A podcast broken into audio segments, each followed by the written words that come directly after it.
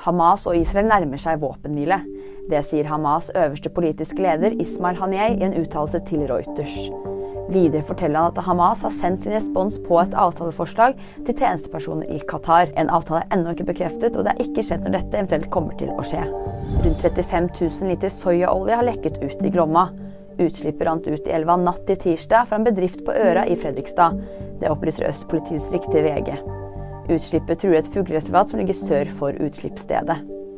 I morgentimene tirsdag jobber brannvesenet med å stanse spredningen av oljen, og flere sugebiler er på plass. ASAP Rocky skal stilles for retten.